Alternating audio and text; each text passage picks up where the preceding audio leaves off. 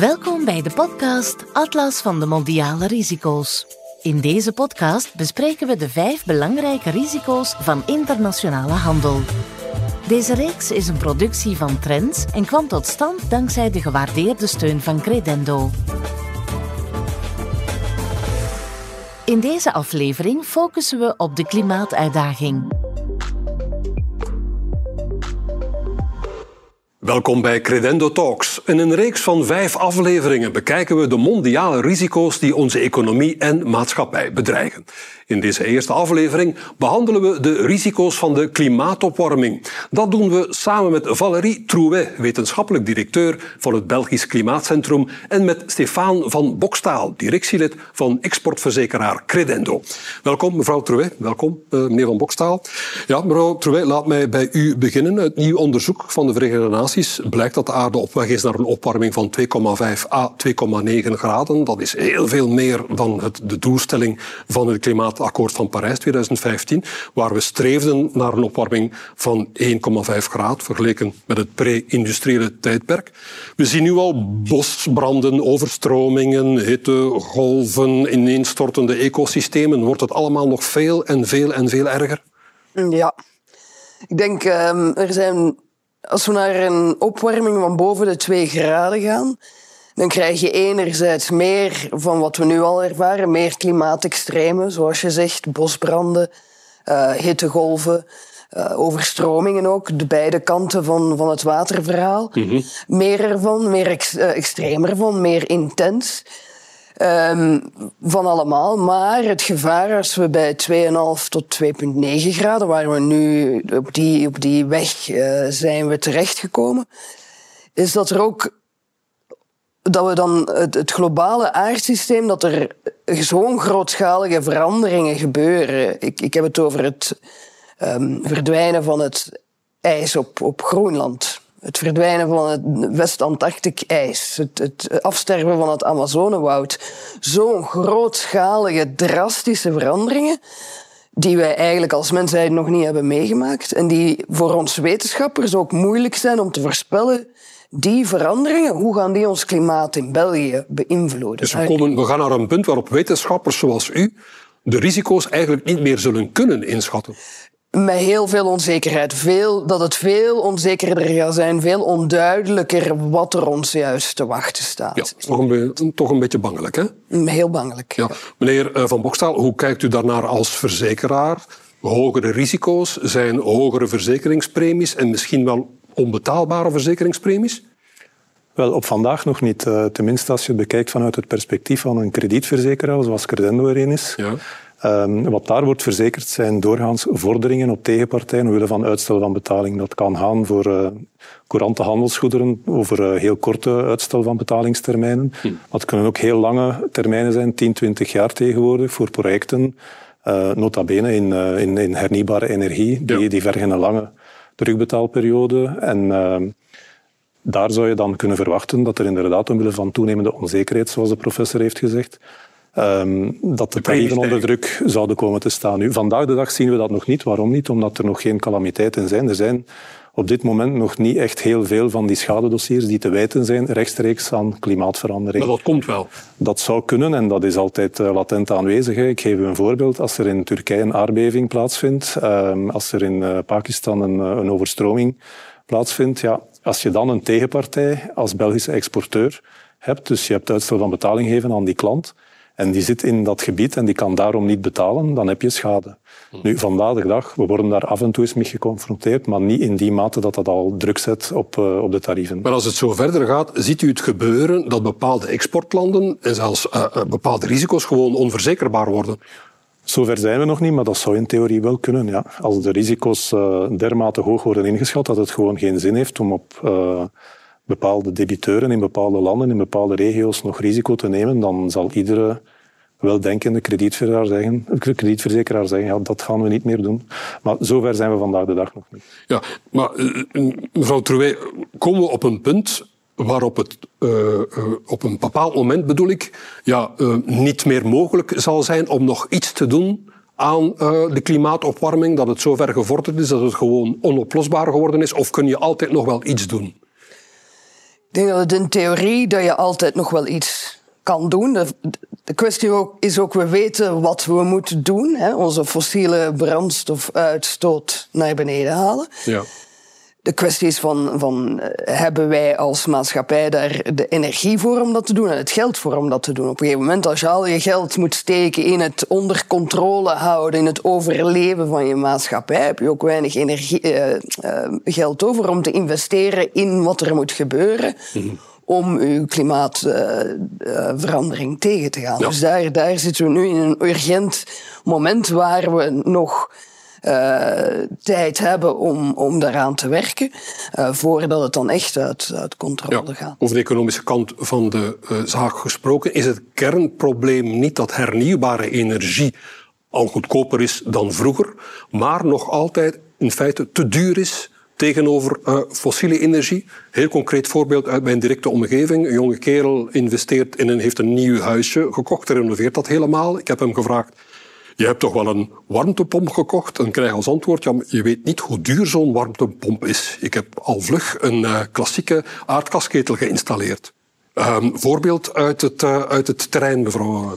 Ja, ik denk dat dat zeker één onderdeel is van waarom de transitie uh, traag gaat op dit moment. Is ook een heel belangrijk onderdeel. Hè. Als, uh, als de transitie niet sociaal rechtvaardig gebeurt, zal ze niet gebeuren, wordt dikwijls gezegd.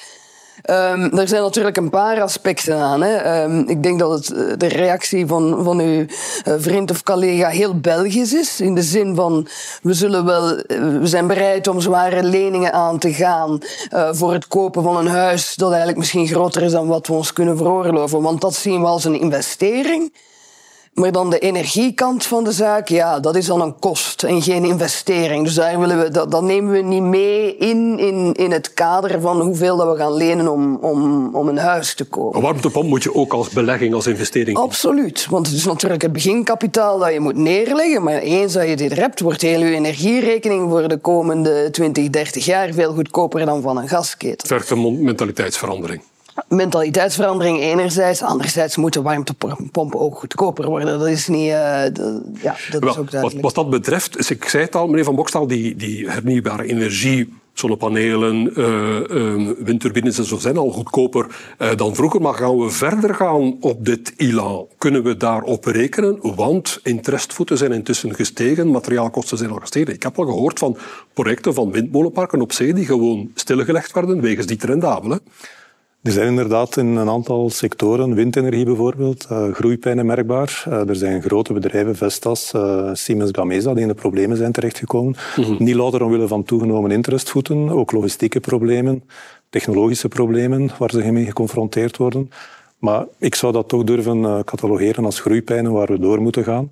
Um, ik verwacht op termijn wel, als er um, meer vraag, meer aanbod zal zijn, dat de schaaleffecten te volle zullen spelen, dat die prijzen naar beneden zullen gaan. Ja, de prijzen van hernieuwbare energie, Inderdaad. de kost van hernieuwbare ja, energie ja. zal verder dalen. Dat hebben we ook gezien met de zonnepanelen, waar nu zoveel over te doen is. Uh, die markt is volledig overspoeld door goedkope Chinese productie, maar ze is er wel en dat heeft het allemaal betaalbaar gemaakt. Ja. Nu, uh, andere zijde dan, die fossiele brandstof, zoals zij, die zijn nog altijd ja, te goedkoop. De koolstofprijs is toch eigenlijk altijd te laag. Wat kunnen we daaraan uh, doen? Mevrouw Trouwé, een van uw stokpaardjes is, laten we al eens beginnen met de vele subsidies voor fossiele brandstoffen in de hele wereld af te schaffen. Hè? Ja, dat is inderdaad een van mijn stokpaardjes, zoals u zegt. Uh, daar is uh, recent in 2020 een, een, rapport over verschenen over de Belgische subsidiëring uh, van fossiele brandstoffen. Daaruit blijkt dat België per jaar 13 miljard euro uh, subsidieert aan de fossiele brandstofsector. 13 miljard euro per jaar. Dus als het erover gaat, uh, alles moet haalbaar en betaalbaar blijven, ja, dan weet je waar je het geld moet gaan halen om, om de hernieuwbare energie uh, transitie haalbaar te maken. Um, onderdeel van die subsidiëring zijn maatregelen om de transitie, het energie, uh, sociaal... Uh, sociale energietarieven. Sociale energietarieven, dank u wel, bijvoorbeeld. Daar kan u nog mee akkoord gaan. Daar kan ik mee akkoord gaan, dat ja. kan je verantwoorden. Dat, moet je inderdaad, dat is inderdaad niet het eerste waar, wat je moet afbouwen. Maar dat gaat over 250 miljoen van die 13 miljard. En waar gaat de rest dan naartoe? De rest gaat heel veel naar subsidiëring van de industrie, van landbouw, van het gebruik van fossiele fossiele brandstoffen, dus eigenlijk het gebruik van fossiele brandstoffen artificieel goedkoop houden. Ja. Um, en dat gaat niet alleen over gas, waar je misschien ook nog vanuit uh, concurrentieel oogpunt kan, kan verantwoorden, maar zelfs over, over uh, stookolie. Het, dat, je, dat je nu nog stookolie subsidieert, dat valt eigenlijk echt niet, niet. Ja, maar uh, mevrouw Terwij, daar hebben we het weer. Als we die subsidies voor landbouw en industrie zullen afschaffen, zullen de landbouwers en de industrie en de bedrijven zullen die gestegen kosten doorrekenen aan de consument. En die wordt dan de pineut. En dan kom ik bij die fameuze uitspraak van de Gilets jaunes. Die klimaatjongens en meisjes zijn bezig met het einde van de wereld. Maar wij zijn druk bezig met het halen van het einde van de maand. Wat zegt u daarop? Wel, enerzijds natuurlijk moet die afbouw van fossiele uh, subsidies uh, gelijklopend zijn met het goedkoper maken van hernieuwbare energie, waar dat we het daar net over hadden. De hele idee is dat je de industrie en de landbouw ook, ook uh, incentives geeft om over te stappen naar hernieuwbare energie. Zolang je fossiele uh, brandstoffen blijft subsidiëren, is er eigenlijk geen uh, incentive ja, om, om over te schakelen. Ja. Um, en dan ja, iets minder positieve noot, maar inderdaad het halen van het einde van de dag. Maar dat gaat altijd, als we niks doen, niks doen is geen optie. Ja. Als we blijven alleen maar op het einde van de dag denken, dan, dan, dan geraken we aan die 2,5, 2,9. ik zie, ik zie u knikken. Uh, als we nu niks doen, zullen de kosten later ja. nog veel groter zijn. Wel, ik ben het er helemaal mee eens met wat professor Truij zegt. Uh, als we niks doen, zullen inderdaad de kosten volgens mij nog uh, veel hoger uitkomen dan meteen in actie te schieten. Um, nu, dat is wel de olifant in de kamer natuurlijk. Het zal geld kosten en dat moet ook maar helder gecommuniceerd worden. En wat een beetje ontbreekt um, in het ganse betoog is, we weten wel waar we naartoe willen uh, tegen 2050. Er zijn intermediaire doelstellingen geformuleerd. Maar hoe we dat gaan doen, welke acties daar tegenover staan en hoe de begeleiding zal gebeuren, daar wordt toch niet zo heel erg helder over gecommuniceerd. en vooral hoeveel het de mensen en de bedrijven zal kosten? Mensen en bedrijven zullen zich moeten realiseren dat het geld zal kosten, maar dat moet dan ook maar open en helder gecommuniceerd worden. En er moet ook heel duidelijk gezegd worden hoe die financiering zal, uh, zal plaatsvinden en welke begeleidende maatregelen er zullen genomen worden. Uiteraard zijn mensen en bedrijven bezig met het einde van de dag en het einde van de maand. Maar als er nu één uh, uitdaging is, en er zijn er heel veel, hè, en ze zijn soms ook wel met elkaar uh, gerelateerd, maar uh, als er nu één grote uitdaging is waar we voor staan, is het wel het vechten tegen de impact van de klimaatverandering. Ja. En als je dan kijkt naar een aantal uh, zones in de wereld, een aantal landen, dan hebben die zeer hoge schulden opgebouwd om andere redenen dan de strijd tegen de klimaatverandering. Nu, ik ben niet aan het pleiten voor het opbouwen van... Uh, nog meer schulden. Van nog meer schulden. Die zijn al hoog genoeg. Maar er moet toch op een of andere manier een financieringsmechanisme worden uitgedokterd, waardoor deze ganse factuur kan opgepikt worden en kan uitgesmeerd worden over een zeer lange looptijd, zodanig dat het ganse verhaal ingang kan vinden en verteerbaar wordt ja. voor mensen en voor bedrijven. De factuur, de factuur uitsmeren.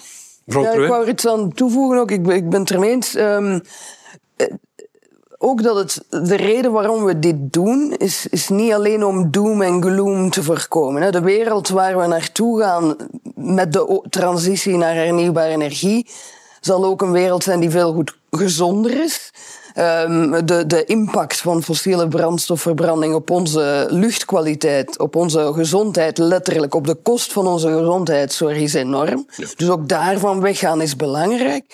Uh, niet alleen op onze, op onze gezondheidszorg, maar zoals, ik, zoals we het daar juist ook al over hadden, zo, dus een in, initiële investering in hernieuwbare energie. Maar eens dat die investering gebeurt, is, zal ons energieverbruik uh, goedkoper zijn als, als individu, maar ook als, als land. Zullen we geopolitiek uh, minder afhankelijk zijn van, van uh, onstabiele spelers enzovoort. Dus het is, ook een, het is niet alleen het voorkomen van doom en gloom. We gaan naar een betere we wereld. Doen. We gaan ook echt naar een betere, stabielere wereld. Dat is belangrijk om ook, dat is, dat is, dat is een goede reden om ook daarin te investeren. Ja, maar net nu zie ik toch een beetje dat het politiek engagement begint te zakken. Hè. Ik hoor politici meer en meer zeggen, ja, maar het moet allemaal een beetje haalbaar blijven enzovoort.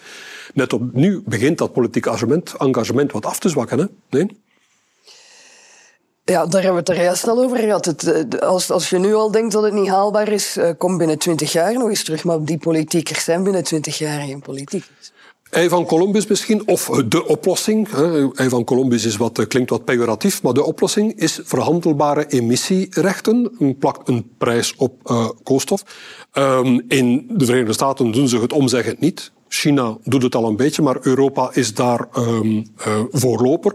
Omdat 40% van onze uh, CO2-uitstoot uh, gaat via em emissiehandel, beslaat 40% van onze CO2-uitstoot. Moeten we daarin radicaler zijn en daarin verder gaan? Emissiehandel? Wie neemt deze vraag? Ik... Het is een mooi systeem, hè? De, vuiler, ja. de vervuiler betaalt. Dus de vervuiler betaalt, maar ik denk dat we op een punt gekomen zijn dat het duidelijk wordt dat de gevolgen voor iedereen gelden. Ja. Niet enkel voor de vervuiler. En vandaar ook wat ik daarnet heb proberen over te brengen. Die factuur die is er en die zal moeten collectief opgepikt worden. Het principe van de vervuiler betaalt. Ik denk dat we dat stilletjes aan achterwege mogen laten. Ja. Iedereen zal moeten beseffen dat dit geld zal kosten, dat dit op een of andere manier moet opgepikt worden. Nu, ik denk dat een deel van de oplossing toch kan uh, gevonden worden in het, uh, het accepteren dat bepaalde terugbetalingsperiodes langer zullen zijn dan mm voorheen. En dat er, ik kan u ook wel uh, voorbeelden geven vanuit ervaring bij Credendo, waar projecten in, in, in, in de windmolenparkensector bijvoorbeeld, of in de elektrolysesector, waar je waterstof probeert te genereren, waar bepaalde van die projecten in een normale markteconomie gefinancierd zouden worden over vier, vijf, zes jaar. En dat er nu bereidheid is om dat over langere periodes te doen. En zo wordt het haalbaar. Ja. En dan voel je dan niet meteen um, in de portefeuille dat die kostprijs hoger wordt, omdat het over een lange periode wordt uitgesmeerd. Die richting moeten we gaan. Ik denk het wel. En ik denk dat we die, uh, die uitspraken, de vervuiler betaalt, dat is inderdaad, uh, op zich klinkt dat heel erg logisch, maar de gevolgen van niks doen zijn zodanig manifest uh, negatief dat iedereen zal moeten aan de kaart trekken. En wat met mensen die zeggen, ja, maar we moeten investeren in technologische doorbraken. Die technologische doorbraken die zullen ons de oplossingen brengen voor de klimaatopwarming. Mevrouw Trouwet? Ik krijg die vraag dikwijls. Um, en mijn antwoord is dat, het, dat we niet op een deus ex machina uh, technologische doorbraak waar we nu nog niks van af weten al te veel op moeten rekenen. Um, waar we wel volop op moeten inzetten. En, en, technologie is zeker onderdeel van de oplossing. Maar die technologie bestaat al voor een heel groot deel. De doorbraak zal erin bestaan om die technologie toegankelijker, goedkoper te maken, zodat dat ze ook breed uh, toepasselijk is. We moeten, we, moeten de bestaande, we moeten de bestaande eh, oplossingen breder uitrollen. Dat exact. Is, uh, ja. Goedkoper maken, erin investeren, zodat die goedkoper worden, dat die properder worden, dat je, uh, dat je weg kan van je zeldzame mineralen, dat je componenten kan recycleren enzovoort. Die, die, de bestaande technologieën, dan heb ik het over, over solar panels, over windenergie, over, over elektrische wagens, die optimaliseren vanuit die breed uitsmeerbaar wordt. Eerder dan dat er nog iets nieuws gaat zijn dat ons gaat redden. Ook omdat technologie, it takes its time. Hè? En time is exact wat we niet hebben. Ja. Maar daar zijn we eigenlijk aangekomen bij de opportuniteiten van klimaatopwarming. Bieden ook kansen voor ondernemers. Vorige maand kwam nog het nieuws van baggeraar Jan de Nul, die met Egypte onderzoekt de mogelijkheid van een eh, uh, onderzeese kabel in de Middellandse Zee mhm. om groene stroom vanuit Egypte naar Europa te voeren. We hebben nog wel van dat soort voorbeelden, meneer Van Bokstaal. Ja, inderdaad. Uh, recent hebben we ook allemaal kunnen uh, getuigen zijn van het initiatief van de familie Saverijs met, met Euronaf. Die hebben de hand kunnen leggen op wat ooit van hen was, want zij hebben het opgestart, eh, de Euronaf-vloot. Ja, is een klassieke, was een klassieke olietankerrederij. Nog altijd, nu, nog altijd. Maar, maar willen ze nu een groene rederij van maken. Maar de visie van uh, Alexander Saveris lijkt te zijn dat hij die vloot gaat transformeren om uh, groene waterstof te kunnen transporteren nu. Dat is een beetje een moonshot operation op vandaag. En je hebt ook ondernemers nodig met zo'n visie die dat soort van risico's durven nemen, dan moeten we ook koesteren. Nu, je mag niet alles inzetten op uh, technologie zal ons redden en na 2050 zal het allemaal beter worden. Ja. Maar die initiatieven die er nu zijn, die moeten we koesteren. Die moeten we, ja, we moeten het kader creëren waarin dat, dat soort van initiatieven ontplooid kunnen worden. Ja. Je, hebt, je hebt een beetje ondernemers, zeg maar visionairs nodig, die, die voorop lopen. Maar ik denk dat dat in partnership moet tussen uh, alle actoren. Hè. Uh, als je terugkijkt naar uh, ja, de vlucht naar de maan, dat was een moonshot. Vandaar komt ook de uitdrukking een moonshot operation. Niemand wist wat dat ging brengen, maar dat heeft een enorme technologische omwenteling met zich meegebracht. Ja. Zonder hadden wij geen internet gehad op vandaag. De, de, tijden zijn veranderd, maar ik, ik pleit toch voor, uh, voor, voor, voor het, het, het, koesteren en het stimuleren van mensen met visie en durf. En niet kijken van de overheid moet alles oplossen of anderzijds technologie moet alles oplossen en die, die visionaire ondernemers moeten het maar doen. Je zal daar in partnership Maar ik, ik, moet nu denken, uh, meneer Van Bokstel, aan het voorbeeld van Elon Musk, die begonnen is met Tesla. Iedereen uh, mm -hmm. weet dat. Um, Elon Musk uh, en zijn Tesla is intussen uh, zeer rijk geworden, is een zeer belangrijke ondernemer geworden. Worden zo'n grote, rijke ondernemers, hebben ze op een bepaald moment geen te grote politieke invloed en moet eigenlijk uiteindelijk niet de overheid haar verantwoordelijkheid nemen. Ik ben het helemaal eens met Stefan um, dat het een, een, een samenwerking tussen de twee is, tussen de innovatoren die, die, die vooral uit de industrie komen uh, wetenschappers wil ik daar ook bij plaatsen. En, en de overheid. En dat, dat die inderdaad goed op elkaar moeten afgestemd zijn. Ja. Um, en dat is in het geval van Elon Musk, uh, Elon Musk niet, niet helemaal het geval. Dat, dat die, uh, de overheid daar goed afgestemd is op, op wat er daar gaande is. Maar, maar je hebt het evenwicht tussen die twee nodig. En dan de burger als, als derde partij. Ja. En het hoeft niet allemaal moonshot operations, operations te zijn, meneer Van Mokstel. We hebben Belgische bedrijven die bezig zijn met elektrolyse, elektrolyse uh, productie van, uh, van, van waterstof. We hebben ook waterrecycleerders, uh, waterzuiveraars enzovoort. Dus het is allemaal best wel doenbaar en het biedt ook kansen aan het bedrijfsleven, de klimaatopwarming. Inderdaad, en de, de, de de bedrijfsnamen die er geciteerd zijn, dat zijn de gekende grote ondernemingen. Maar er zijn ook heel veel kleinere ondernemingen die daar al op inpikken. Hè. Ja. En daar, als je het dan toch over een partnership hebt, kijk, een verzekeraar of een bankier, die zal het niet uitdokteren, maar die kan het wel faciliteren. Ja. En vorig jaar heeft Credendo iets in de markt gezet. De producten zijn aangepast en verbeterd om in de groene um, sectoren verder um, een uitbouw te kunnen vinden. En daar zijn ondertussen al grote en kleine ondernemingen op ingesprongen. We zitten richting 100 projecten en we zitten al boven uh, ongeveer anderhalf miljard euro dat daardoor gemobiliseerd is. Ja. En dat zijn dingen, ja, dat faciliteert, dat geeft een hefboomwerking. En zo krijg je die partij rond de tafel en komt er schot in de zaak. En dus ik ben zeker niet zo negatief. te. ja. u zei het ook, hè, de, we hoeven niet te negatief te zijn. Er gebeurt wel heel wat, ja. maar het is een race tegen de klok. Maar ziet Credendo uh, zijn business in dat soort groene activiteiten toenemen? Ja, en nemen die een klein beetje toe of nemen nee, die nee, die nemen exponentieel toe. Ja. En um, ook het, uh, de tegenstelde beweging um, is merkbaar. Tot voor enkele jaren was uh, olie en gas een aanzienlijke sector. Ja. Die stond in de top 3 bij Credendo. Nu is die weggedemsterd naar plaats 7, 8 en dat zal ver, verder wegdeemsteren. Ja. Terwijl dat die renewables die komen meer naar boven.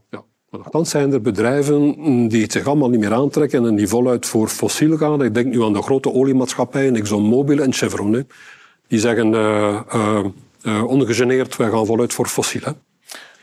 Er zijn voorbeelden en tegenvoorbeelden, maar ik verwacht daar ook wel dat de maatschappelijke druk van diverse stakeholders op die bedrijven zal toenemen. Nu, zij proberen waarschijnlijk nog een graantje mee te pikken, want het is maar tegen 2050. Dat is een beetje een freerider gedrag uh, dat laakbaar is. Maar kijk, ik verwacht dat er toch wel druk van aandeelhouders en van andere belangengroepen komt om die bedrijven tot betere inzichten te brengen. Nu, je mag ook niet um, naïef zijn. Um, de wereldbevolking groeit, er is enorme behoefte aan energie. We moeten ook wel zorgen dat de wereld niet stilvalt. Dus de twee gaan nu nog een tijdje naast elkaar bestaan. Niemand hoort het graag. Want het is een illusie om te denken dat uh, de wereld van de ene op de andere dag kan afkicken van olie, gas. Steenkool is al in de betere richting aan het gaan. Maar we hebben nog een tijdje beide nodig. Dus op zich kan je op vandaag ook niet zeggen tegen zo'n bedrijven wat jullie doen is crimineel. Zover zou ik niet durven gaan. Maar ze gaan een beetje tegen de stroom in. Slotvraagje heel kort. Komt het nog goed met deze aardbol? Uh, optimistisch? Of, uh... Ik ben het met, met Stefan eens. Wel, uh, het kan, maar het is een race tegen de klok. De urgentie van de zaak is, is niet, niet te onderschatten. Laat ons hopen dat het toch allemaal goed komt. Meneer Van Bokstaal, mevrouw Terwe, hartelijk dank voor jullie komst naar de studio. Dank je voor de uitnodiging. Zo, einde van deze Credendo Talk. Volgende week bespreken we de nieuwe economische wereldorde. Wordt China een grootmacht die de dominantie van de Verenigde Staten bedreigt? En wat zullen daarvan de gevolgen zijn voor onze economie en maatschappij? We bekijken het volgende week met professor Buitenlandse Betrekkingen Jonathan Holslag van de VUB en Stefan van Bokstaal van Credendo. Graag tot dan.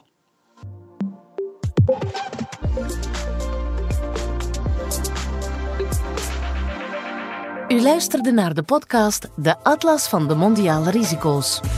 Deze podcast kwam tot stand dankzij de gewaardeerde steun van Credendo.